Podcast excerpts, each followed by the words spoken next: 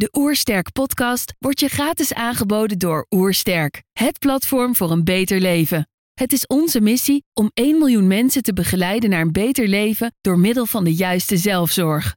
Wil je weten hoe jij kunt werken aan een beter leven? Ga dan naar www.oersterk.nu gezondheidscheck voor onze gratis gezondheidscheck en krijg direct jouw uitslag met persoonlijk advies. Mijn naam is Ruud Rotteveel en je luistert naar de Oersterk podcast.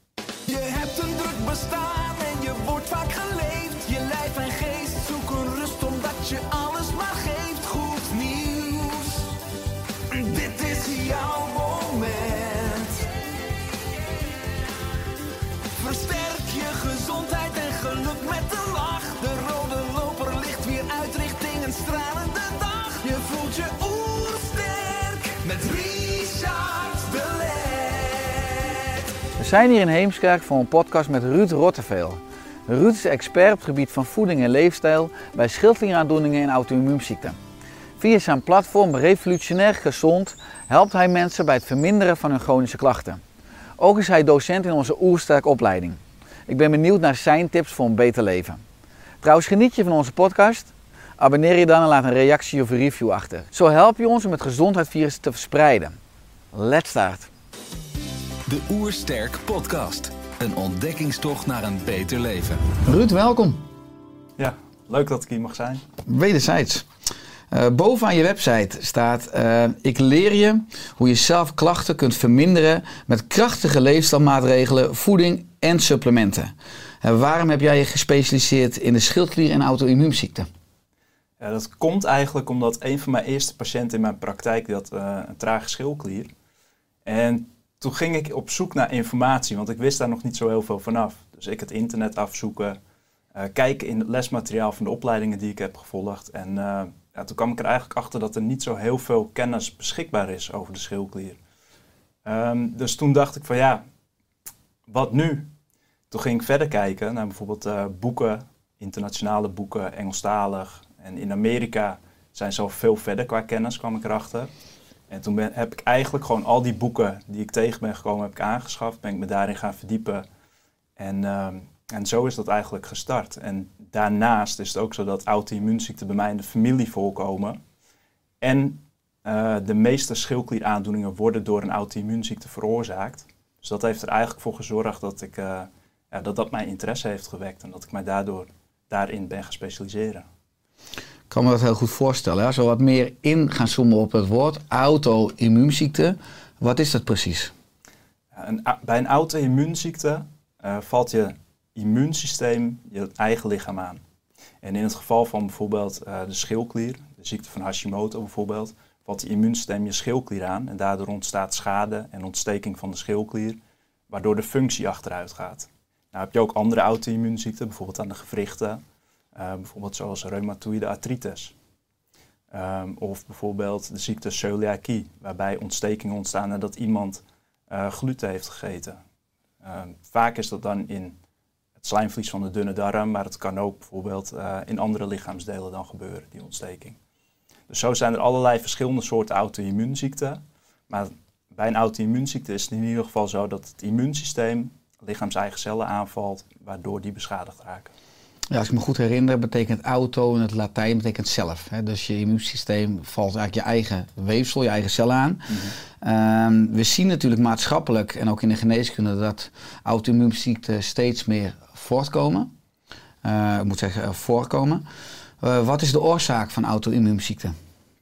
Ja, vanuit de wetenschap is er nog niet één uh, oorzaak bekend. Nou is het wel zo dat bijvoorbeeld bij celiakie is wel bekend dat gluten echt de trigger zijn, dus dat voor die ontsteking zorgt. Uh, maar over het algemeen, uh, wat er uit wetenschappelijk onderzoek naar voren komt, is dat een combinatie is van factoren. Van een stukje genetische aanleg, maar ook een stukje omgevingsfactoren. Uh, gifstoffen die in het milieu rondzweven of in, in, je voeding zitten. Um, maar ook um, bijvoorbeeld stress, infecties, virale infecties. Uh, dus eigenlijk gewoon een combinatie van verschillende dingen. Dus er is niet één factor waarvan je zegt van nou dat is nou echt de oorzaak van een auto-immuunziekte.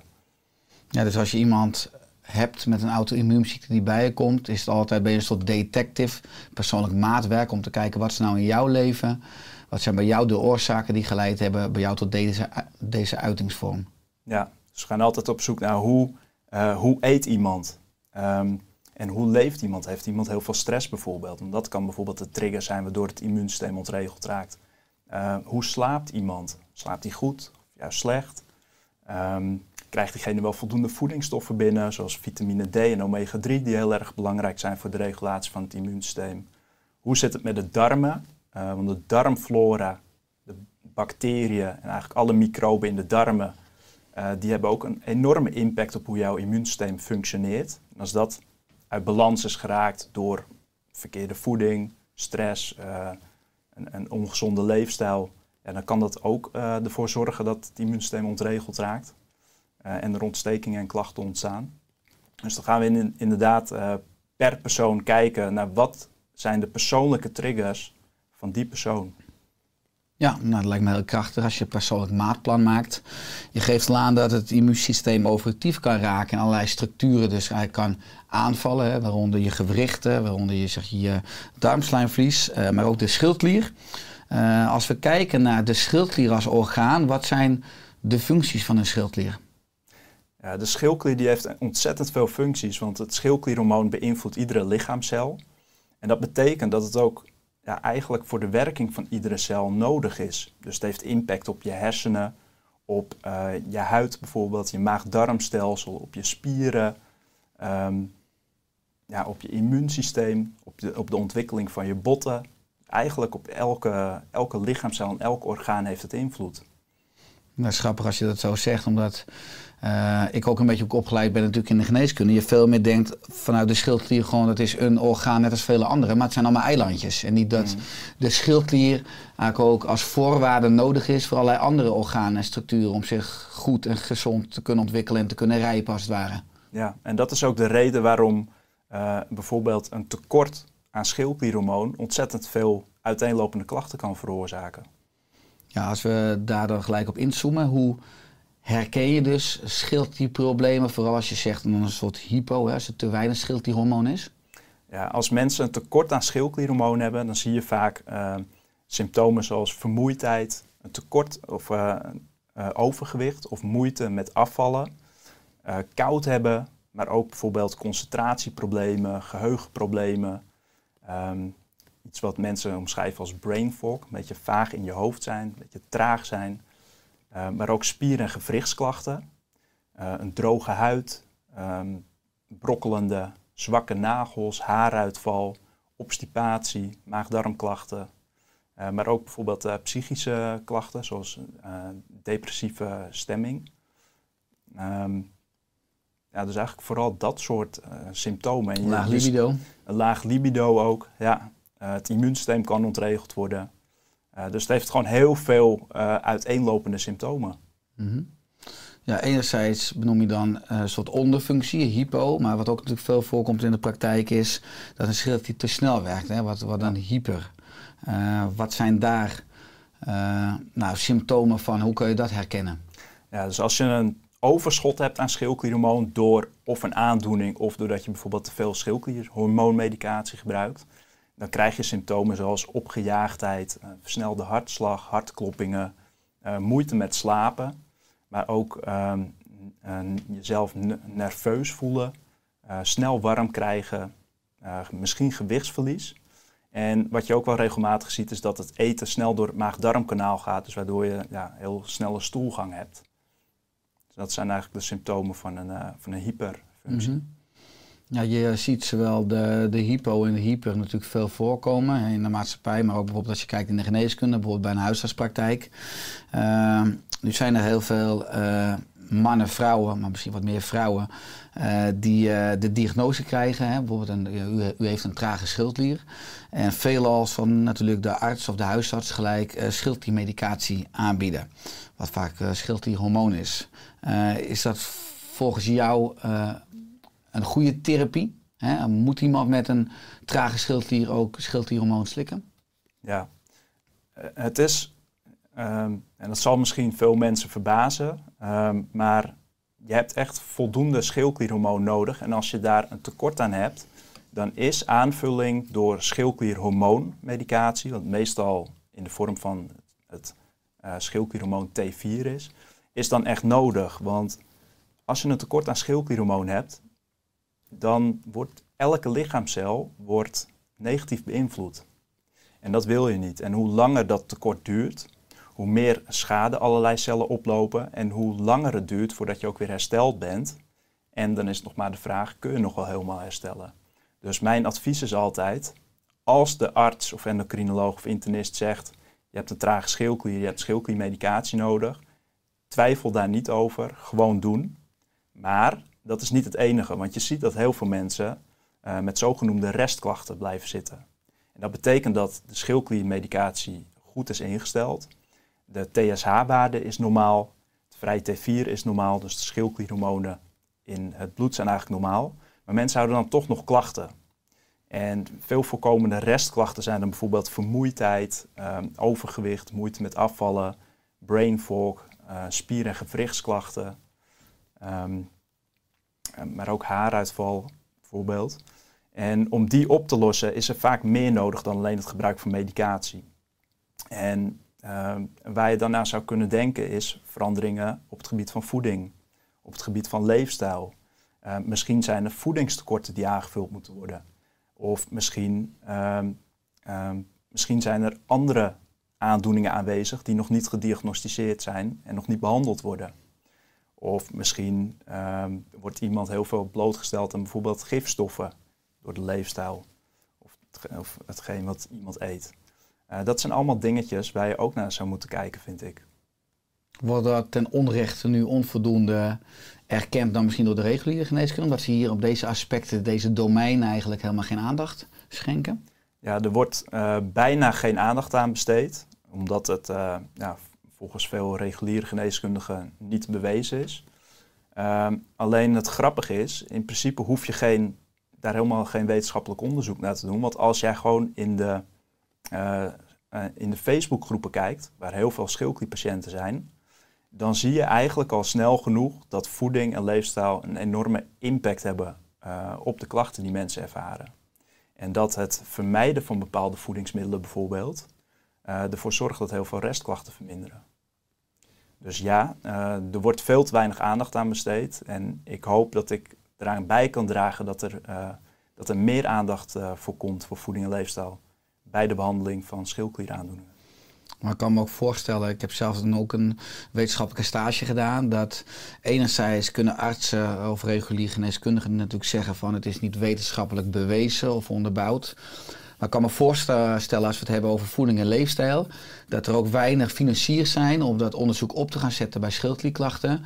Uh, waardoor het wetenschappelijk onderzoek beschikbaar komt, omdat het niet te patenteren is. Als we weer mm. kijken naar voeding en leefstijl. Dus dat is misschien ook natuurlijk wel een aandachtspunt, waardoor er uh, ook niet veel interesse is om dat wetenschappelijk zeg maar, aan te tonen. Spelen die aspecten ook mee? Ja, dat zou, dat zou een rol kunnen spelen, inderdaad. Ja. Ja, ja. Want, want er wordt natuurlijk geen geld aan verdiend als je zegt tegen iemand van nou, uh, ga maar glutenvrij eten bijvoorbeeld. Ja, dus ik kan, ik kan me voorstellen dat er belangen spelen ook. Uh, maar ik denk ook dat het gewoon een kwestie is van um, onwetendheid. En ook, het is ook gewoon ontzettend moeilijk om te onderzoeken wat voor effect voeding en leefstijl op klachten heeft. En dat, dat is ook gewoon een belangrijke factor. Ja, als we dan specifiek gaan inzoomen op de schildklier. Want enerzijds kan je natuurlijk ook kijken vanuit de evolutionaire geneeskunde hoe de schildklier ontwikkeld is. Natuurlijk ook voor een deel parallel met de hersenen. En dan kan je kijken dat bouwstenen bijvoorbeeld zoals jodium enorm belangrijk is.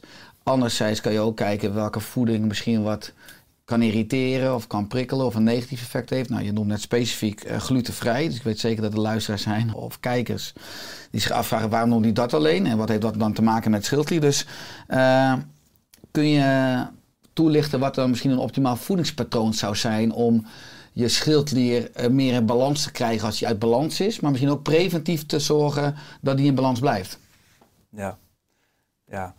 Uh, laten we eerst even beginnen met preventie. Uh, als je schildklieraandoeningen of andere aandoeningen de kans daarop zo klein mogelijk wilt maken, ja, dan is het belangrijk dat je gezond eet. Dan is het natuurlijk de vraag, wat is dan gezond? Nou, in mijn ogen is gezond voornamelijk onbewerkt voedsel ehm, en ook voeding wat je goed verdraagt. Uh, want je hebt bijvoorbeeld bepaalde graansoorten, peulvruchten, nachtschades. Uh, die hebben allemaal gezonde eigenschappen. Alleen ze zijn alleen gezond voor jou als jij ze ook daadwerkelijk verdraagt. Sommige mensen reageren daarop. Uh, zorgt voor stimulatie van het immuunsysteem. Dan is het bijvoorbeeld geen goed idee om die paprika, die heel rijk aan vitamine C is, om die te gaan eten bijvoorbeeld. En, en, dus, en concreet, hoe kom je daarachter? Hoe je daarachter komt, uh, daar, daar, wilde ik het zo eigenlijk over Goed zo, hebben. Ga door. Ja. Uh, de, dus qua preventie, zorg in ieder geval dat je voldoende beweegt. Dus ja, ik zou zeggen ongeveer een half uurtje per dag. Uh, zorg ervoor dat je voldoende slaapt, dat je niet al te veel chronische stress hebt. Um, zorg ervoor dat je onbewerkt voedsel eet, um, wat je dus verdraagt. En dat zijn eigenlijk de belangrijkste dingen ter preventie van eigenlijk wat voor uh, auto-immuunziekte of schildklieraandoening dan ook. Uh, als je dan gaat kijken naar het verminderen van restklachten, waar heel veel mensen met een schildklierprobleem last van hebben, um, dan zou je eigenlijk moeten kijken naar welke voeding verdraag je wel en welke voeding verdraag je niet. En dat kan je heel goed doen door middel van een eliminatie-provocatiedieet. Bijvoorbeeld het auto-immuun paleo-dieet, afgekort AIP-dieet. En dat is een dieet waarbij je eerst de voedingsmiddelen waarvan je verwacht dat ze mogelijk een negatief effect kunnen hebben, die ga je eerst vermijden voor minimaal een maand. Uh, en dan ga je kijken wat dat doet. En heel vaak zie je dan dat symptomen afnemen. Nou, op een gegeven moment, als die symptomen niet meer verder afnemen, dan kan je zeggen van nou, ik ga ze weer één voor één toevoegen. Dus de voedingsmiddelen die je hebt vermeden, ga je één voor één toevoegen. Herintroduceren noemen ze dat. En dan ga je kijken hoe je daarop reageert. En als nou blijkt dat bijvoorbeeld uh, ja, dat jouw klachten eerst minder worden en vervolgens weer toenemen als je bijvoorbeeld de paprika eet, of een ander voedingsmiddel, een bepaalde peulvrucht bijvoorbeeld, of zuivel, ja, dan is dat een, uh, een, een aanwijzing voor dat je dat voedingsmiddel niet goed verdraagt. Het hoeft niet per se een allergie te zijn, maar ook voedingsintolerantie betekent dat dus. Ja, dus je hebt eigenlijk verschillende voedselovergevoeligheden. Je hebt allergieën. Nou, als je een allergie hebt, dan weten de meeste mensen dat wel. Dat kun je ook heel goed door middel van uh, testen kun je daar, dat achterhalen. Dan heb je intoleranties. Dat is vaak door een tekort aan enzymen. Bijvoorbeeld lactose-intolerantie. Ben je niet in staat om voldoende lactase aan te maken. Waardoor uh, je het melksuiker, de lactose, niet goed kunt afbreken. Maar je hebt ook nog andere voedselovergevoeligheden. Um, en dat is anders dan een allergie of een voedselintolerantie. Dat zijn IgG, uh, ja, uh, ja, IgG-antistoffen worden dan geproduceerd. Um, dat kan ook een rol spelen. En het vervelende is, je, je kan op nog veel meer, uh, je kan op nog veel meer manieren reageren op voedingsmiddelen. Ook je, de darmmicroben kunnen ook op een bepaalde manier reageren op een bepaald voedingsmiddel. En dat zie je bijvoorbeeld bij FODMAPs. Um, bijvoorbeeld koolsoorten die bevatten heel veel FODMAPs. Het zijn bepaalde koolhydraten die uh, slecht opneembaar zijn. Die worden dan gefermenteerd door je darmmicroben. Uh, waardoor gasvorming, je? Waar, ja, onder andere je darmbacteriën. Waardoor gasvorming ontstaat. Een opgeblazen buik, diarree en, en, en, en, dat soort darmklachten. Ja, dat kun je niet meten aan de hand van een allergietest of een intolerantietest of een IgG-test. Um, dus vandaar dat ik altijd zeg, de beste manier om te achterhalen welke voeding je wel en niet verdraagt, is door het gewoon eerst weg te halen en daarna toe te voegen en kijken hoe het gaat. Dus een, een trial and error. Ja, en als je beschrijft wat mensen zouden mogen niet alleen eten en doen, ook uh, om er preventief voor te zorgen dat de schildklier krijgt wat het nodig heeft. Uh, dus voldoende bewegen, zeg je, en ontspannen en ook de juiste voeding en ook slaap. En uh, dan is het in die zin een wonder dat er niet veel meer schildklierziekten zijn. Want je kan bijna zeggen, als je kijkt naar de moderne mensen, wie leeft er optimaal, hè? Ja, misschien wel, ja. Dus eigenlijk zijn we als menssoort ontzettend sterk. Als je kijkt naar waar we elke dag aan blootgesteld worden qua verkeerde voeding, qua gifstoffen, ja, dat, dat er nog zoveel mensen vrij fit rondlopen ja, dat zegt toch wel eigenlijk dat we als mens wel best wel sterk zijn. Wel flexibel zijn, metabool ja. ook, ja. Um, nu, zijn er ook heel veel mensen die zich verdiepen dan natuurlijk in de schildklier of wat je ook af en toe leest. Dat ze denken, ik heb een trage schildklier, dus ik, ik ga maar jodium slikken. En ik ga nou, misschien nog wel wat extra jodium slikken of meer slikken. Maar hoe meer ik slik, hoe sneller het over is. Wat is Ja. jouw visie eh, eh, van, bij jodium bij een trage schildklier? Is dat heilzaam of juist mogelijk zelfs schadelijk? Ja. Dus dat is ook wat je bij heel veel opleidingen leert. Als je een trage schildklier hebt, dan moet je jodium nemen, want jodium is de, belangrijke bouwstof voor het schildklierhormoon. Eh, dan kun je afvragen, is dat dan echt nodig? Dat hangt er vanaf wat de oorzaak van een trage schildklier is. Ehm, in de meeste gevallen is de ziekte van Hashimoto, een auto-immuunziekte van de schildklier, is de oorzaak van een trage schildklier. Echt in meer dan 90% van de gevallen. In 10% van de gevallen is er een andere oorzaak en één van die oorzaken is een tekort aan jodium. Als jij een tekort aan jodium hebt, kun je niet voldoende schildklierhormoon aanmaken, krijg je een trage schildklier. Dus in dat geval is jodium, extra jodiuminname, is heilzaam. Alleen op het moment dat jij de auto-immuunziekte Hashimoto hebt, eh, dan, dan is er geen tekort aan jodium aanwezig. Dus dan is het aanvullen van jodium is ook niet zinvol. En je kan het eigenlijk zo zien ehm, jodium is de bouwstof van het schildklierhormoon. Het heeft geen zin om meer van het bouwstof aan te leveren op het moment dat de fabriek kapot is, dus de schildklier. Want dat is wat er bij de ziekte van Hashimoto aan de hand is. Het immuunsysteem valt je schildklier aan. De schildkliercellen raken ontstoken en beschadigd. Kunnen daardoor op een gegeven moment eh, niet meer voldoende schildklierhormoon produceren. En dan heeft het dus geen zin om meer eh, jodium te gaan nemen. Er is ook geen enkel wetenschappelijk onderzoek wat aantoont dat jodiumsuppletie of extra jodiuminname een positief effect heeft bij de ziekte van Hashimoto. Uh, maar daarentegen zijn er wel onderzoeken die laten zien dat het negatieve effecten kan hebben. Want het kan onder andere de productie van anti-TPO-antistoffen uh, stimuleren. En dat zijn schildklierantistoffen die de schildklier aanwijzen en tegen andere immuuncellen zeggen: kijk, deze cellen moet je aanvallen. Dat doen eigenlijk die schildklierantistoffen. Die brengen eigenlijk zelf, veroorzaken ze niet direct schade, maar ze zeggen van kijk, we plakken hier een sticker op, die schildklier. En andere immuuncellen moeten het dan gaan aanvallen. Nou, dat kan gestimuleerd worden door onder andere extra jodium innemen. Of extra jodiuminname. Alleen dan is het ook nog, um, dan is het ook nog de vraag hoeveel jodium is dan wel of niet goed? Hoeveel jodium kun je nemen bij de ziekte van Hashimoto? Dat zal ongetwijfeld per persoon verschillen. Uh, de ene persoon zal er gevoeliger zijn voor zijn dan de andere. Uh, nou, ik zeg altijd, zorg in ieder geval dat je niet meer dan de aanbevolen dagelijkse hoeveelheid aan jodium inneemt als je een auto-immuunziekte van de schildklier hebt, zoals de ziekte van Hashimoto of de ziekte van Graves. Dat is ongeveer 150 microgram uh, voor een volwassene per dag. -hmm. Ja, dat is uh, specifiek als je het hebt over jodium. Uh, ik kan natuurlijk ook bij de schildklier kijken naar hoe kan ik met, met mijn voeding hè, zorgen dat de schildklier de juiste bouwstenen krijgt. Omdat bijvoorbeeld schildklierhormoon natuurlijk gemaakt wordt uit die substanties die we niet kunnen inademen, maar moeten eten. Als je dan kijkt naar macronutriënten, je hebt natuurlijk uh, eiwitten, je hebt vetten, maar je hebt natuurlijk ook de koolhydraten. Is het wijs om uh, die enorm te beperken? Of nog wel voldoende te blijven eten? Dus koolhydraatarm of juist nou ja, schijf van vijf, maar wat rijker aan koolhydraten. Ja, dus, dus um, is het waardevol om het te beperken of juist niet? Mm -hmm. Koolhydraten. Dan? Ja. Oké.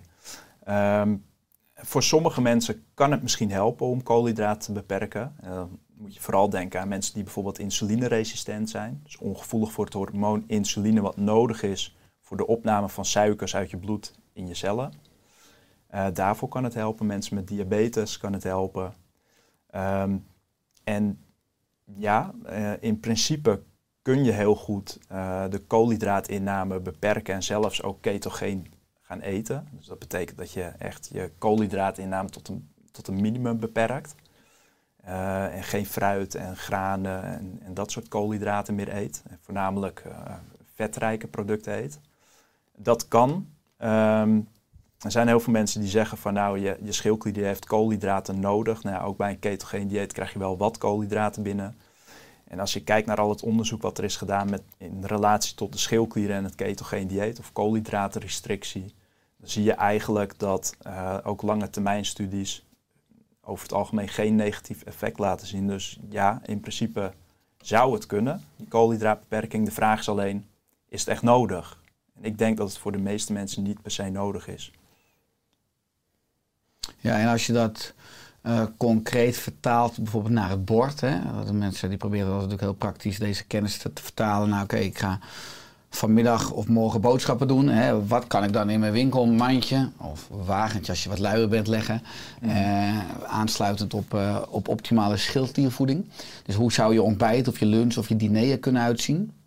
Ja, als ontbijt zou je bijvoorbeeld een omelet kunnen maken als je eieren verdraagt. Met bijvoorbeeld paddenstoelen, knoflook, ui en misschien een stuk fruit erbij voor wat koolhydraten. Een beetje olijfolie voor de vetten. Dan heb je eiwitten, koolhydraten en vetten, het ontbijt. Als lunch zou je bijvoorbeeld kunnen zeggen, nou ik maak een salade met bijvoorbeeld een stukje fruit. Uh, wat ik zelf vaak gebruik is uh, tijgernoten. En dat zijn niet die borrelnootjes van de duifjes, maar dat zijn, uh, ze worden ook wel shuva genoemd. Dat zijn hele kleine knolletjes, een beetje hard. Zorg ook voor bite in je, um, in je salade. Er zit heel veel vezels in, ook wat koolhydraten, vult goed. Die zou je kunnen toevoegen, maar ook bijvoorbeeld een beetje een, uh, een, uh, een vinaigrette van appelazijn met olijfolie bijvoorbeeld. Een stukje fruit erbij, misschien een avocado stukje.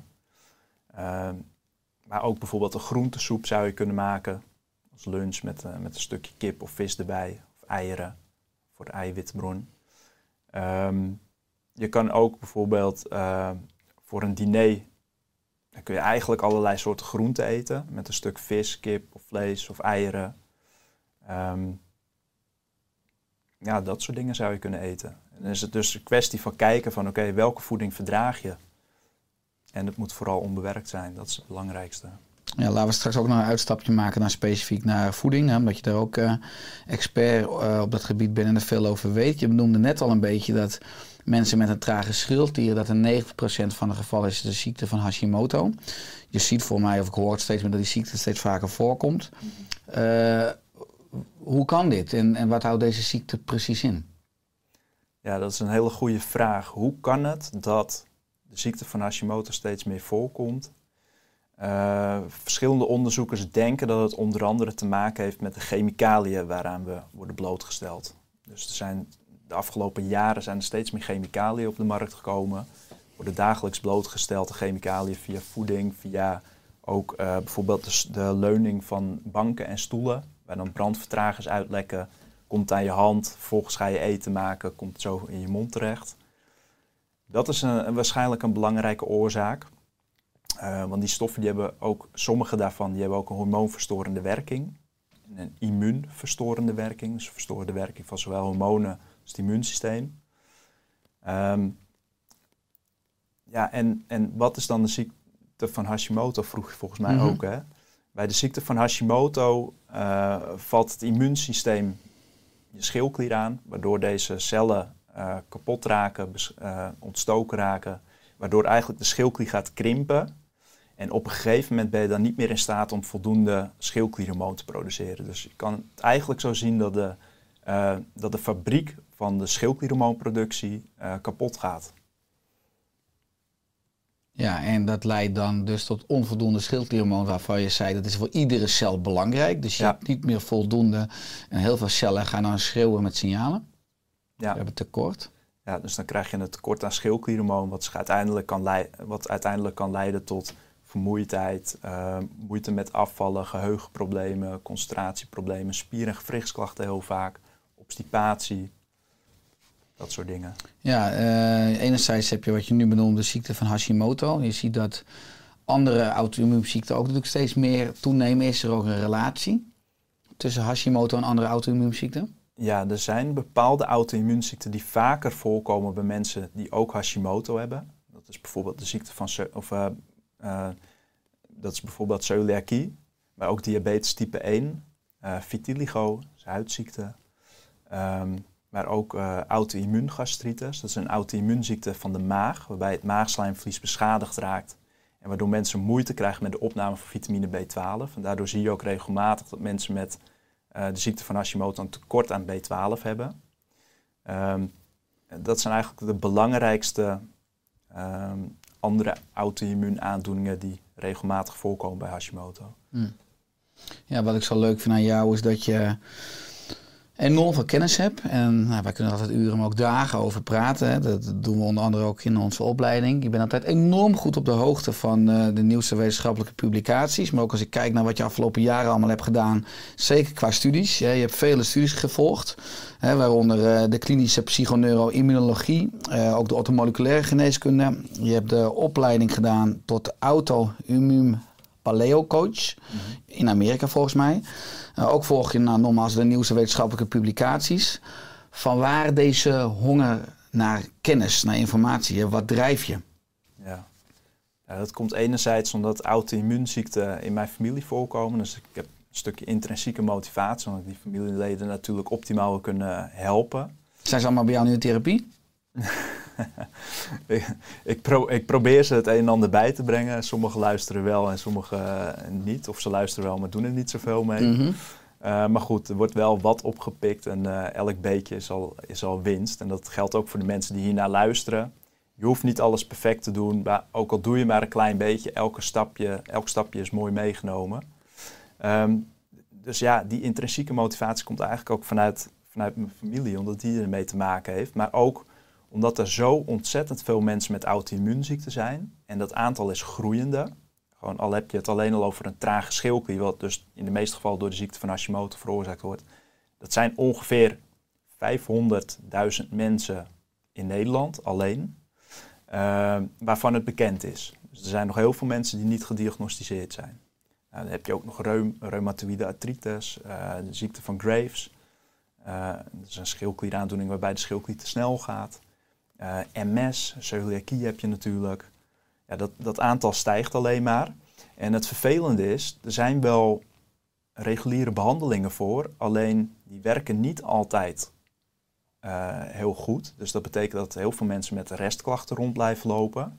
Uh, en die medicatie heeft soms ook hele erge bijwerkingen, waardoor mensen het niet langdurig kunnen of willen gebruiken. En nu weten we, ook vanuit praktijkervaring, en dat zal jij ook wel weten, dat uh, voeding en leefstijl een enorme impact heeft op die klachten en dat je daarmee echt klachten kunt verminderen. Ja, en, en ja, ik, uh, ik wil dat gewoon, ja, ik wil dat daar meer bekendheid voor komt. Dus ik wil daar meer over leren, ook meer aan anderen daarover leren. Want het kan gewoon niet zo zijn dat als iemand een auto-immuunziekte heeft, dat er gewoon niet wordt gekeken naar voeding en leefstijl. Dat, dat kan in mijn ogen gewoon echt niet.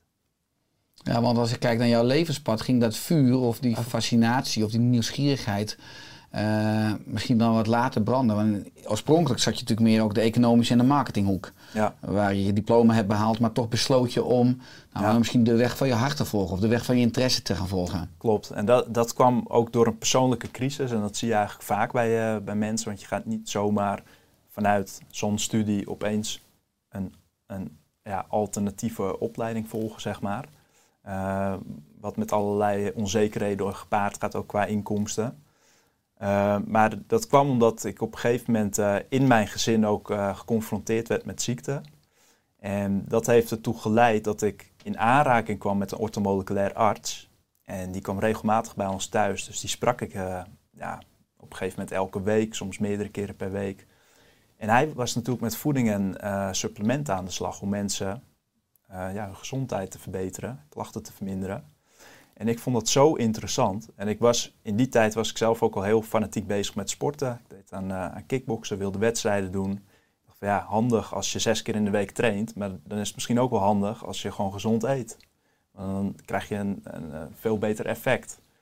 En toen ben ik steeds meer geïnteresseerd geraakt in voeding en leefstijl. En ben ik ja, vanuit daaruit op een gegeven moment dacht ik van nou laat ik er ook iets serieus mee gaan doen. En laat ik opleidingen gaan volgen. Dus toen ben ik opleidingen gaan volgen. En ja, ik weet niet of ik dat ooit al aan jou heb verteld, maar op een gegeven moment kwam een vriend van uh, een kennis van ons, die kwam uh, bij mij langs. Die zei van, uh, ja, in Heemskerk zit een jongen, die is hier ook mee bezig. Richard Let heet hij. En hij heeft een boek geschreven, Oer Sterk. Die heb ik, als je wil kan je hem lenen. Ik zei, nou, is goed, doe maar. Dus ik heb dat boek van hem gekregen. En eh, ja, via dat boek ben ik toen uiteindelijk bij jou terechtgekomen. En nu dus al jaren eh, ja, samenwerken. Leuk hoor, maat. Leuk Ja. hoe dat zaadje geplant is al eh, Ja. veel eerder. Mooi, want ja, nogmaals, je, je richt je fantastisch op vooral dan hè, het onderwerp schildklier, auto-immuunziekte, dan ook vooral met voeding en leefstijl. Nu gaf je al eerder aan, ook bij schildklier, dat schildklierhormoon fantastisch kan zijn. Nou, er zijn natuurlijk meerdere vormen van schildkliermedicijnen eh, ja, en, en schildkliermedicatie. Eh, wat zijn in jouw optiek eh, ja, de beste opties? Eh, welke opties zijn er? Ja. Je hebt eigenlijk drie opties. De meest voorkomende optie, of de meest gebruikelijke, dat is schildklierhormoon T4. En T4 is het schildklierhormoon wat weinig actief is. En eigenlijk is het beter om eerst eventjes uit te leggen hoe dat dan precies werkt met die aanmaak van schildklierhormoon. Want dan begrijpt de luisteraar ook beter eh, het verschil tussen die soorten medicaties. Dus eh, jouw hersenen die geven een signaal aan jouw schildklier dat er schildklierhormoon geproduceerd moet worden. Jouw schildklierhormoon, of jouw schildklier die maakt dan twee soorten hormonen aan. Eh, T3, dat is het meest actieve schildklierhormoon. En T4, dat is weinig actief schildklierhormoon. Nou is het zo dat je voornamelijk T4 aanmaakt. T4, dat is dus het weinig actieve schildklierhormoon. En dat wordt in onder andere de lever, maar ook in andere organen, wordt dat omgezet in de actievere vorm T3. En dat, als dat vrijkomt, ehm, is dat actief en doet dat zijn werk. Nou is het zo dat schildkliermedicatie heel vaak het hormoon T4 bevat. Dus dat T4 dat moet vervolgens nog omgezet worden naar T3, wat actiever is. Nou gaat het bij de meeste mensen gaat dat heel goed. Dus dan is die medicatie die is ook gewoon top voor die mensen. Alleen er is een klein percentage van die mensen waarbij die omzetting van de weinig actieve vorm T4 naar de actievere vorm T3, die omzetting die gaat niet zo lekker. Waardoor een tekort aan T3 kan ontstaan. En voor die mensen is het eh, waardevol om T3-medicatie te gebruiken, zoals bijvoorbeeld merk Cytomel. Ehm, daarnaast heb je een derde optie, dat is natuurlijk schildklierhormoon. Dat bevat zowel T3 als T4, eigenlijk een combinatie. Alleen eh, het nadeel daarvan is, is dat die verhouding anders is dan de verhouding zoals het bij mensen is. Dus dat, dat, dat natuurlijk schildklierhormoon wordt vaak van dieren gemaakt, dierlijk schildklierextract. Die hebben een andere verhouding tussen T3 en T4. Eh, en sommige mensen gaan daar wel heel goed op. Alleen andere mensen die, eh, ja, die gaan er niet zo lekker op, omdat ze dan te veel T3 krijgen in verhouding. En dan kunnen ze juist symptomen krijgen. Dus, je hebt, dus die drie opties heb je eigenlijk T4, T3 en natuurlijk schildklierhormoon, wat een combinatie daarvan is. Hm. En als eh, mensen schildkliermedicatie slikken, sommige mensen hebben natuurlijk ook weerstand op medicatie, is het een mogelijkheid om, ook als je misschien aan andere pijlers gaat werken, voeding, leefstijl, supplementen, maar ook emotioneel, om op een gegeven moment weer van medicatie af te komen? Ja. Het hangt enerzijds af van de, van de oorzaak van de trage schildklier. Nou zie je dat bij de ziekte van Hashimoto eh, dat dat eigenlijk vrijwel nooit gebeurt. En dat komt omdat het immuunsysteem de schildklier continu aanvalt, waardoor het kapot raakt. En die schildklier die krimpt daardoor. En het is niet zo dat die zomaar weer teruggroeit. Eh, en ik weet van, ook vanuit patiënten dat heel veel mensen die benaderen mij van Ruud, eh, kan ik door middel van voeding en zo ervoor zorgen dat mijn schildkliermedicatie gestopt kan worden? En en, en ja, in, heel veel, in de meeste gevallen lukt dat niet. Eh, dat betekent, maar ik zeg altijd, focus je vooral op het verbeteren van je gezondheid en het verminderen van je klachten, zodat je optimaal kunt leven. Eh, in plaats van op het afbouwen van je schildkliermedicatie. En, eh, en als je dat doet, dan, dan, dan is dat voor de meeste mensen ook fijner. Omdat als jij de hele tijd in je achterhoofd hebt van ik wil die schildkliermedicatie stoppen. En het lukt elke keer niet, dan wordt het een heel eh, frustrerende zoektocht. Dus ja, er zijn een paar mensen die zeggen dat het ze gelukt is. Ik heb het zelf nog niet meegemaakt. Eh, maar bij de meeste mensen lukt het helaas niet. Mhm. Ja, je ziet natuurlijk dat heel veel mensen pas in actie komen. Meneer en qua schildklier meestal algemeen als ze klachten hebben of als ze pijn hebben. Er is altijd een klein groepje wat het liefst preventief vooral in zichzelf investeert. Ik denk zeker al meer mensen die oersterk volgen. Ja. Eh, of mensen die ieder jaar bijvoorbeeld ook bloed prikken en een APK'tje doen Ja. van hun eigen gezondheid. Eh, wat zijn goede schildklierwaarden om daarin mee te- nemen? Of welke schildklierwaarden zouden mensen regelmatig moeten of mogen meten? Ja. Eh, sowieso het TSH zou ik meten, want dat geeft een overzicht als het ware van de, hoeveel schildklierhormoon de afgelopen weken geproduceerd is. Eh, het vrije T4, FT4, eh, dat zijn de twee belangrijkste om te zien hoe het met je schildklier gesteld is.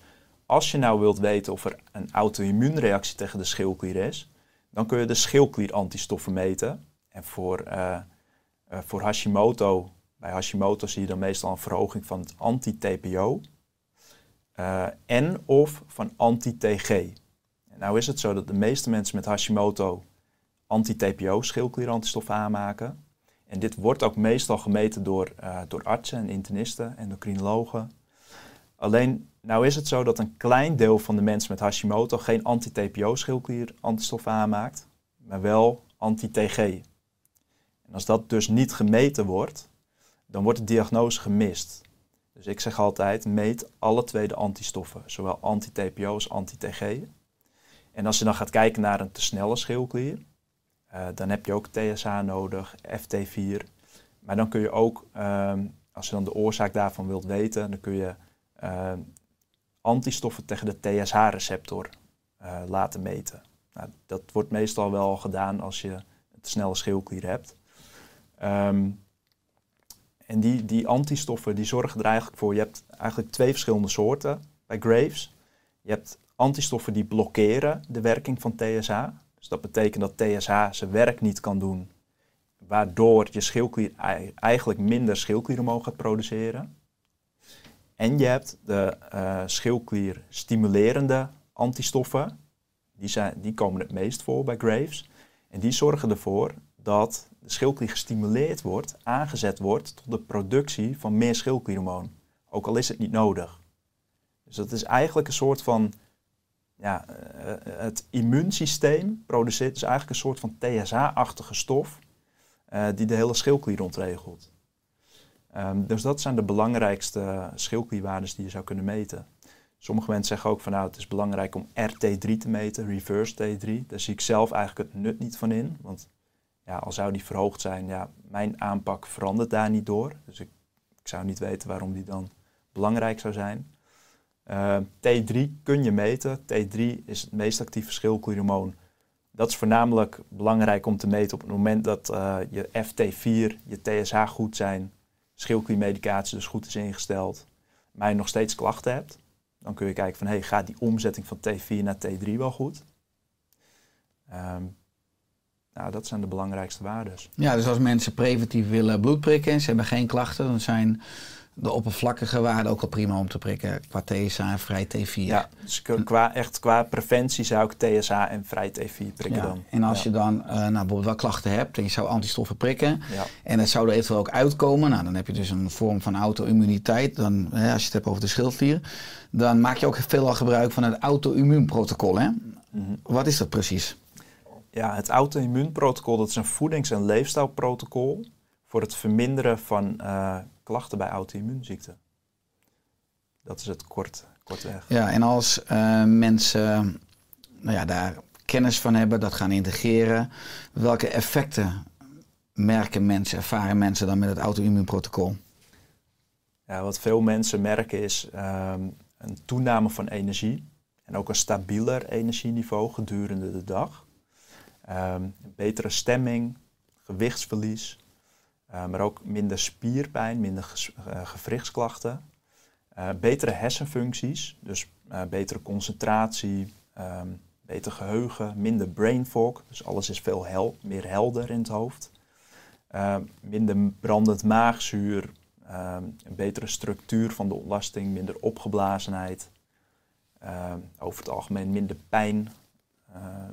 Mensen zijn vrolijker, minder prikkelbaar, betere stemming, beter slapen. Eh, bij schildklierpatiënten ook vaak eh, haar wat weer, eh, wat weer steviger wordt, beter groeit. Maar ook nagels en de huid. Dat soort dingen. Ja, en als je ehm, gaat inzoomen waar je zegt voeding en leefstijl. Als je bij voeding gaat kijken, is dan vooral het AIP-dieet wat je dan integreert? Ja, dus je hebt het, AI, het auto-immuunprotocol. Dat is een, zowel eh, een gedeelte voeding als een gedeelte leefstijl. En het AIP-dieet, auto-immuun paleo-dieet, dat is het dieet wat binnen het auto-immuunprotocol eh, wordt toegepast. En ehm, daarbij worden verschillende voedingsmiddelen vermeden die bij best wel veel mensen klachten veroorzaken. Dan kun je denken aan granen, pseudogranen, uh, maar ook peulvruchten, nachtschades, noten, zaden, waaronder ook koffie en cacao, chocola. En nachtschades voor de luisteraar en kijkers zijn ook dus de aardappelen en de aubergine en de paprika. Chilipeper, ja. En pseudogranen zijn amarant, uh, quinoa, chiazaad en boekweit. maar ook zuivel wordt vermeden. En eieren ook. Ja, dat zijn de belangrijkste dingen die worden vermeden. Omdat die bij heel veel mensen klachten veroorzaken. Dus dan worden ze eerst weggehaald. Uh, dan houd je dat minimaal een maand vol. En op het moment dat jouw klachten uh, niet meer verder afnemen daardoor, dus op het moment dat je een beetje stagneert als het ware, dan is het tijd om het te herintroduceren. En dan ga je voedingsmiddelen één voor één uh, weer eten. En dan ga je kijken hoe dat, ja, hoe dat gaat, wat, wat, je dan ervaart. Dus dan wordt er om de vijf dagen wordt er dan een voedingsmiddel toegevoegd. Dus als je bijvoorbeeld peulvruchten gaat herintroduceren, dan ga je bijvoorbeeld eerst erten doen, groene erten. dan neem je groene erten, dan wacht je eventjes vijf dagen en dan ga je kijken hoe jouw lichaam daarop reageert. En wachten dan vijf dagen, omdat het een paar dagen kan duren voordat de klachten optreden. En mag je in die vijf dagen vaker groene erwten eten? Als je dan, dan mag je het in principe vaker eten. En dan, als dat goed gaat, dan kun je na vijf dagen een andere peulvrucht of een ander voedingsmiddel uh, uh, gaan, gaan uh, herintroduceren. En dan ga je ook weer kijken van, nou, wat doet dat met mij? En als er niks gebeurt, dan kun je dat gewoon weer eten. Nou, dus dit is een vorm van dat eliminatie-provocatiedieet. Ja, dus het auto-immuun paleo-dieet, kortweg AIP-dieet, dat is een eliminatie-provocatiedieet. Eliminatie betekent, we gaan het voedingsmiddelen gaan we weghalen, vermijden. En provocatie betekent, we gaan het weer toevoegen uh, om te kijken wat het doet. Ja, nou je geeft wel aan per vijf dagen. Dus het is wel fijn, bijvoorbeeld dat zie ik al voor me, dat mensen een soort A4'tje bijhouden waarbij ze het noteren om ook overzicht te hebben. Ja. Kun je dit AIP-dieet dus ook goed zelfstandig uitvoeren? Uh, of heb je er ook begeleiding bij nodig? Want er zijn misschien nogal wat veelgemaakte fouten bij het volgen van een mm. AIP-dieet. Ja, in principe kun je het wel zelf uh, toepassen. Alleen, ja, het is best wel, um, er zitten best wel, het is best wel uitgebreid, zeg maar. Dus er zijn veel details waar je rekening mee moet houden. En ook, um, um, ook zorgen dat je natuurlijk geen tekorten oploopt. Dus je kan het zelf volgen, maar dan moet je er wel echt goed in gaan verdiepen. Dus dan moet je boeken lezen of mijn website goed bestuderen. Dan kun je het zelf regelen. Maar wat ik merk is dat heel veel mensen eerst zelf beginnen. En dat ze er dan achter komen van, hé, hey, ik vind het toch wel lastig, lukt me niet helemaal. Of ik ga er niet zo lekker op nu, waarschijnlijk doe ik iets verkeerd. Uh, en ja, al, al, mijn ervaring is dat met begeleiding gaat het allemaal wel veel efficiënter en, uh, en, en veel beter inderdaad. Want er zijn best wel wat fouten die regelmatig gemaakt worden. Bijvoorbeeld een tekort aan eiwitten. Uh, ja, als je daar te weinig van eet, dan kun je ook niet goed herstellen. Want eiwitten zijn hele belangrijke bouwstoffen. Voor zowel je huid als je haar, als organen, uh, je darmslijmvlies. Uh, eigenlijk voor alles. Um, dus tekort aan eiwitten is een veelgemaakte fout. Maar je hebt bijvoorbeeld ook een tekort aan calorieën. Want als mensen granen gaan weghalen en bijvoorbeeld ook zuivel, um, ja, dan, dan, dan gaan ze vaak ook minder calorieën eten automatisch, omdat ze meer groentes gaan eten. En in groenten zitten natuurlijk niet zoveel calorieën. Als je te weinig calorieën eet, chronisch, ja, dan kun je daar ook klachten van krijgen, zoals vermoeidheid bijvoorbeeld. Dat is wat je regelmatig ziet. Maar ook een fout dat mensen maken is dat ze bijvoorbeeld heel erg gefocust zijn op het elimineren van voedingsmiddelen, maar niet op het toevoegen van voedingsmiddelen die een hele hoge voedingswaarde hebben. Die noem ik de AIP superfoods. Dat zijn bijvoorbeeld orgaanvlees, Eh, zeewier. Zeewier, niet voor mensen met eh, de ziekte van Graves en, eh, en Hashimoto in verband met, met het jodium. Ehm, maar voor alle andere mensen is zeewier wel goed. Paddenstoelen bijvoorbeeld, eh, vis, vette vis, voor de omega-3 vetzuren. Eh, schaal- en schelpdieren, gefermenteerd gefermenteerde voeding, wat veel eh, gunstige bacteriën bevat. Ehm, ja, als je alleen maar dingen gaat elimineren, maar niet die AIP superfoods gaat toevoegen, dan mis je een belangrijk onderdeel van het AIP-dieet. Ehm, ja, wat zijn nog meer veelgemaakte fouten? Bijvoorbeeld dat, eh, dat mensen bijvoorbeeld heel veel van die baksels gaan maken van, eh, van meel, meelsoorten. Nou, meel is natuurlijk geraffineerd. Dus dan gaan ze bijvoorbeeld van cassavemeel, tapioca meel of andere meelsoorten gaan ze allerlei dingen bakken, pannenkoeken en, eh, en bijvoorbeeld cake, dat soort dingen. Daar heel veel van eten. Ja, daar zit niet zo'n hoge voedingswaarde, er zit niet zoveel voedingsstoffen in. Dus dat, dat is ook niet zo handig. Ehm, ja, dus dat zijn een aantal voorbeelden van fouten die vaak gemaakt worden, waardoor mensen toch niet het ge- gewenste resultaat eh, bereiken. En oh ja, ook nog belangrijker, ehm, eh, de eliminatiefase wordt soms te kort toegepast. Ehm, dus dan doen ze bijvoorbeeld twee of drie weken en dan denken ze van ja, nou, nou, het heeft geen zin, ik merk niks, ik ga het maar weer gewoon eten. Dus dan werkt het niet als je het te kort doet. Of mensen gaan... Wat is de eh, minimale termijn?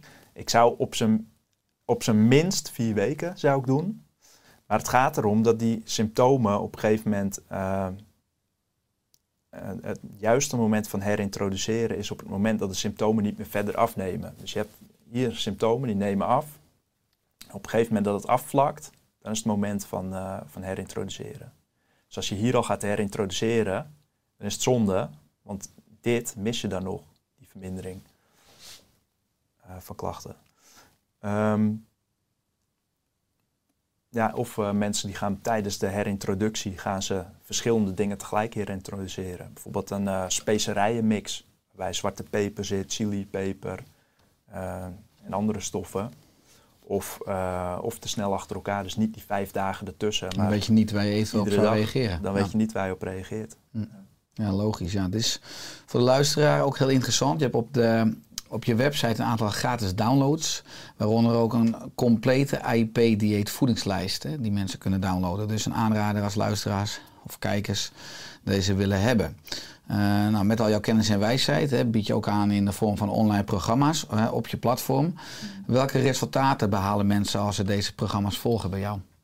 Ja, wat eh, bij het auto-immuunprogramma vooral opvalt, is dat mensen eigenlijk vaak al binnen, binnen de eerste twee weken vooral vermindering van maag- en darmklachten hebben. En dat komt omdat we dan alcohol gaan vermijden, suiker, ehm, granen en pseudogranen. Dus dat zorgt vaak al voor minder maag-darmklachten. En, in, en dan verderop, zeg maar, in het programma, dan zie je vaak dat mensen ook meer, meer energie krijgen, stabieler energieniveau, minder spier- en gewrichtspijn. Ehm, ook eh, brain fog, wat op een gegeven moment weggaat. Dat kan soms wel wat langer duren, soms wel twee, drie maanden. Eh, maar dat zie je wel vaak dat het afneemt. Ehm, gewichtsverlies, vaak een paar kilo. eh, bij mensen die overgewicht hebben. Ehm, ja, huid die mooier wordt, huidontstekingen die afnemen, eczeem wat minder wordt. Eh, teruggroei van haar, stevigere nagels.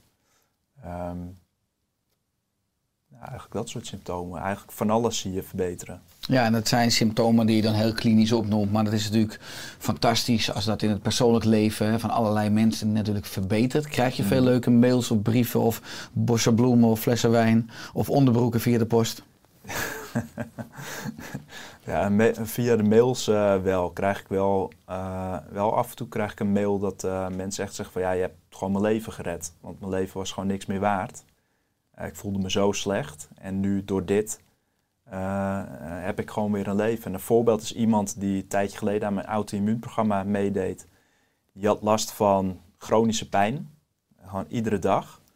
Eh, en die had ook zoiets van, nou, voor mij hoeft het eigenlijk niet meer. Ik heb er eigenlijk niet zoveel zin meer in op deze manier. En ja, die begon met het auto-immuunprogramma. En na, eigenlijk al na een aantal weken werd die pijn steeds minder.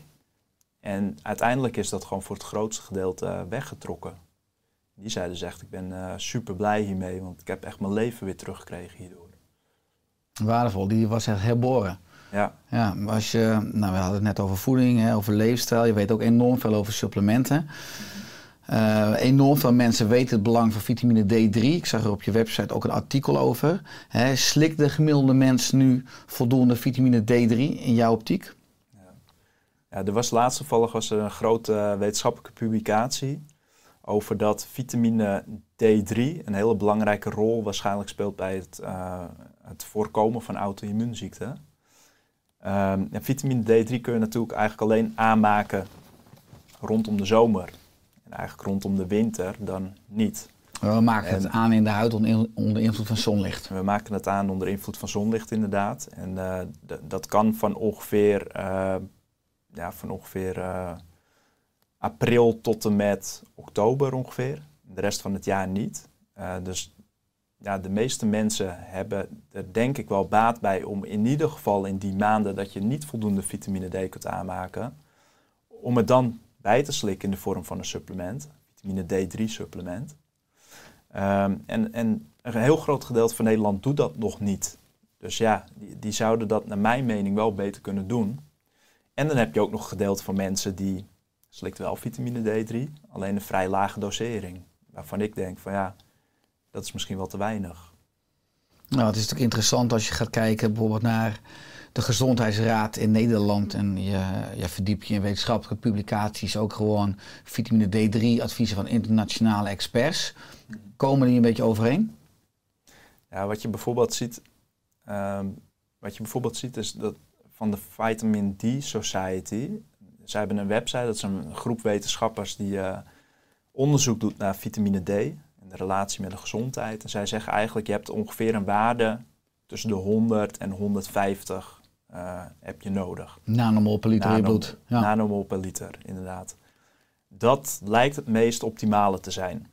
Als je dan gaat kijken naar hoeveel suppletie mensen slikken, bijvoorbeeld wat vanuit de gezondheidsraad wordt geadviseerd aan ouderen of mensen met een donkere huidkleur, eh, dan met die dosering kom je daar niet.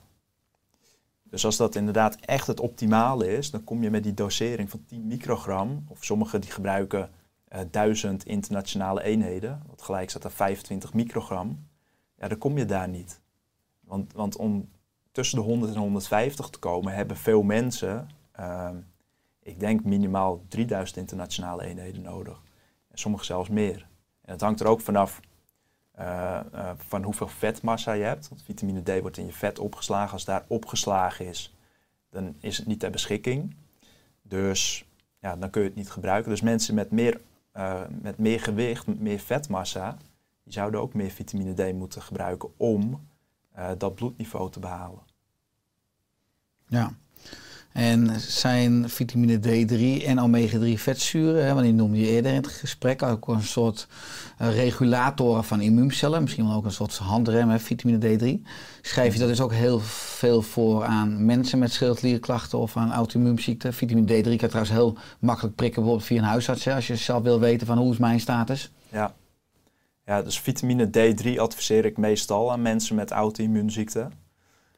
Ehm, En welke dosering? in welke dosering? Ja, dat hangt er een beetje vanaf. Ik, eh, meestal vanaf het begin in ieder geval minimaal 3000 internationale eenheden, wat gelijk staat aan 75 microgram.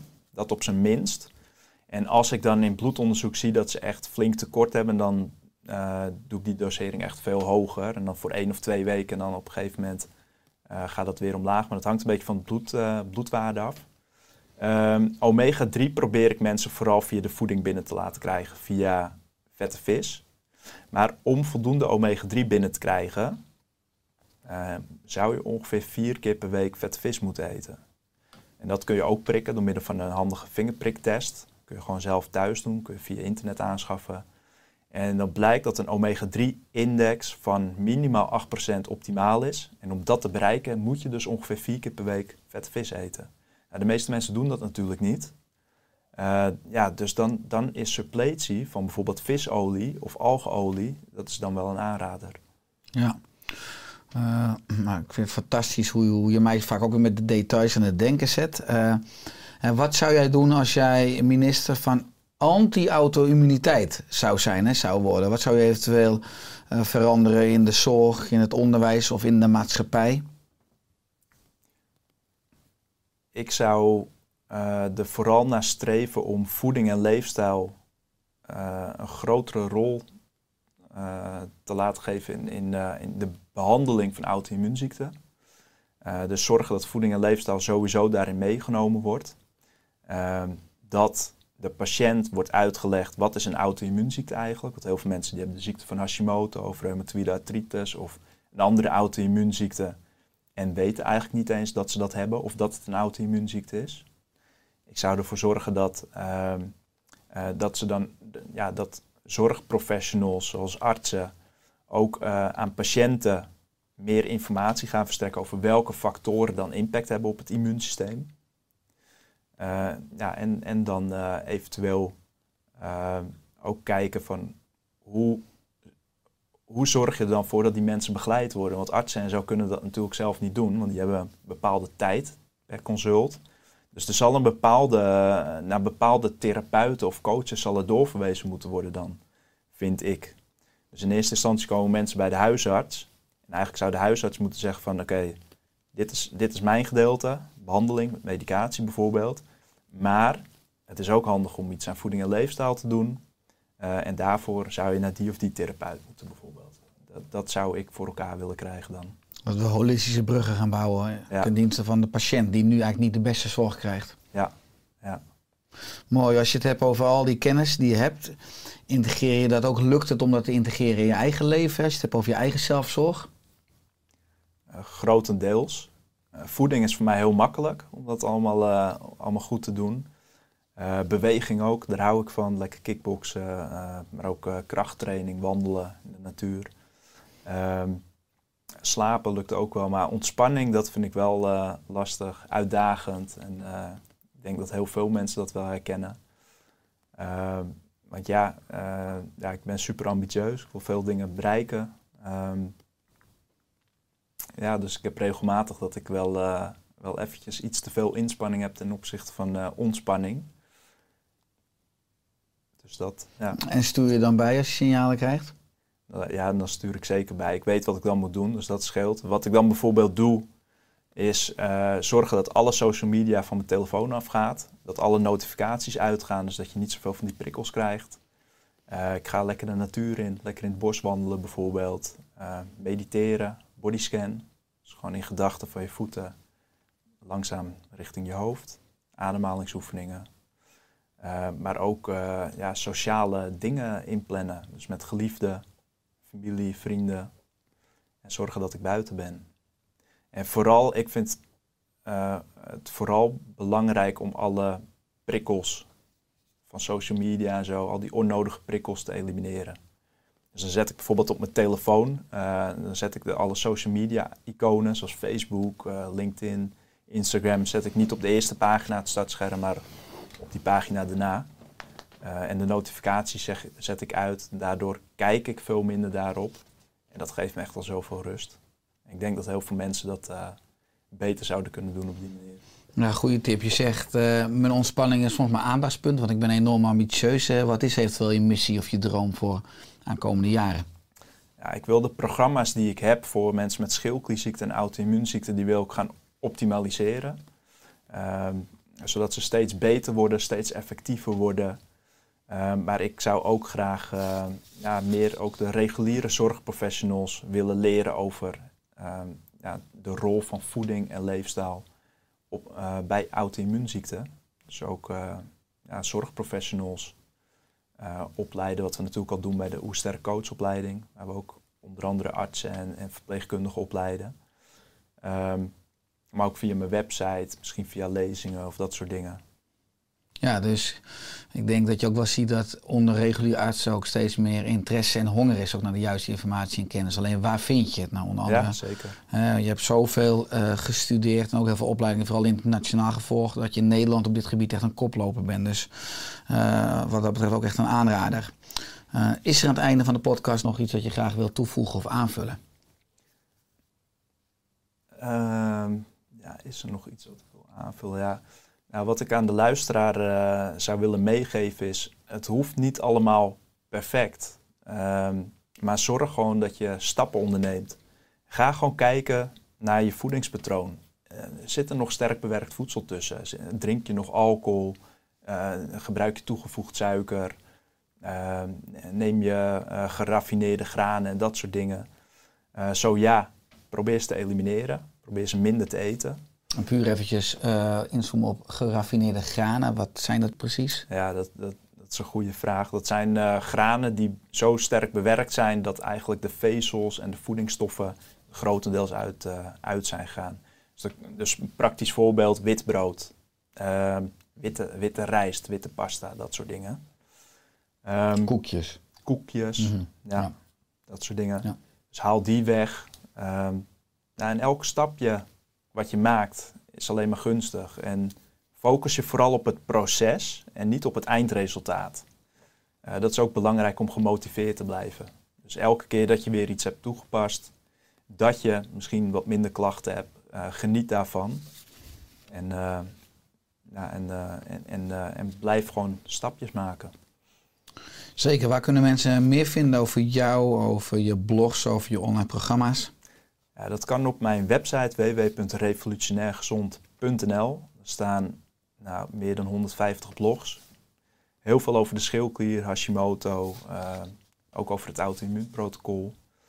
Eh, dus ja, daar kun je vooral veel informatie over me vinden. Ook op social media, maar daar ga ik steeds minder op. Want het kost me gewoon veel energie en eh, zorgt voor spanningen. Dus ik zou zeggen, ga vooral naar mijn website. Er zijn verschillende dingen die ze kunnen downloaden. Wat je al zei, de voedingslijst van het auto-immuunprotocol dieet. Eh, maar ook, eh, ook een eh, e-boekje voor mensen met de ziekte van Hashimoto. Eh, over eh, vijf oorzaken van restklachten. Zo kunnen ze mij, eh, mij volgen en meer informatie vinden. Dus ga daar vooral gratis shoppen, zou ik zeggen, aan de luisteraar en kijker. Ruud, dankjewel voor de komst hè, in onze Oerstek podcast. En dat we samen maar mogen werken aan een wereld met een oersterke schildklier en eh, met een goede immuniteit. Zeker, ja. Bedankt dat ik hier mocht eh, komen. Hartstikke leuk. Met liefde.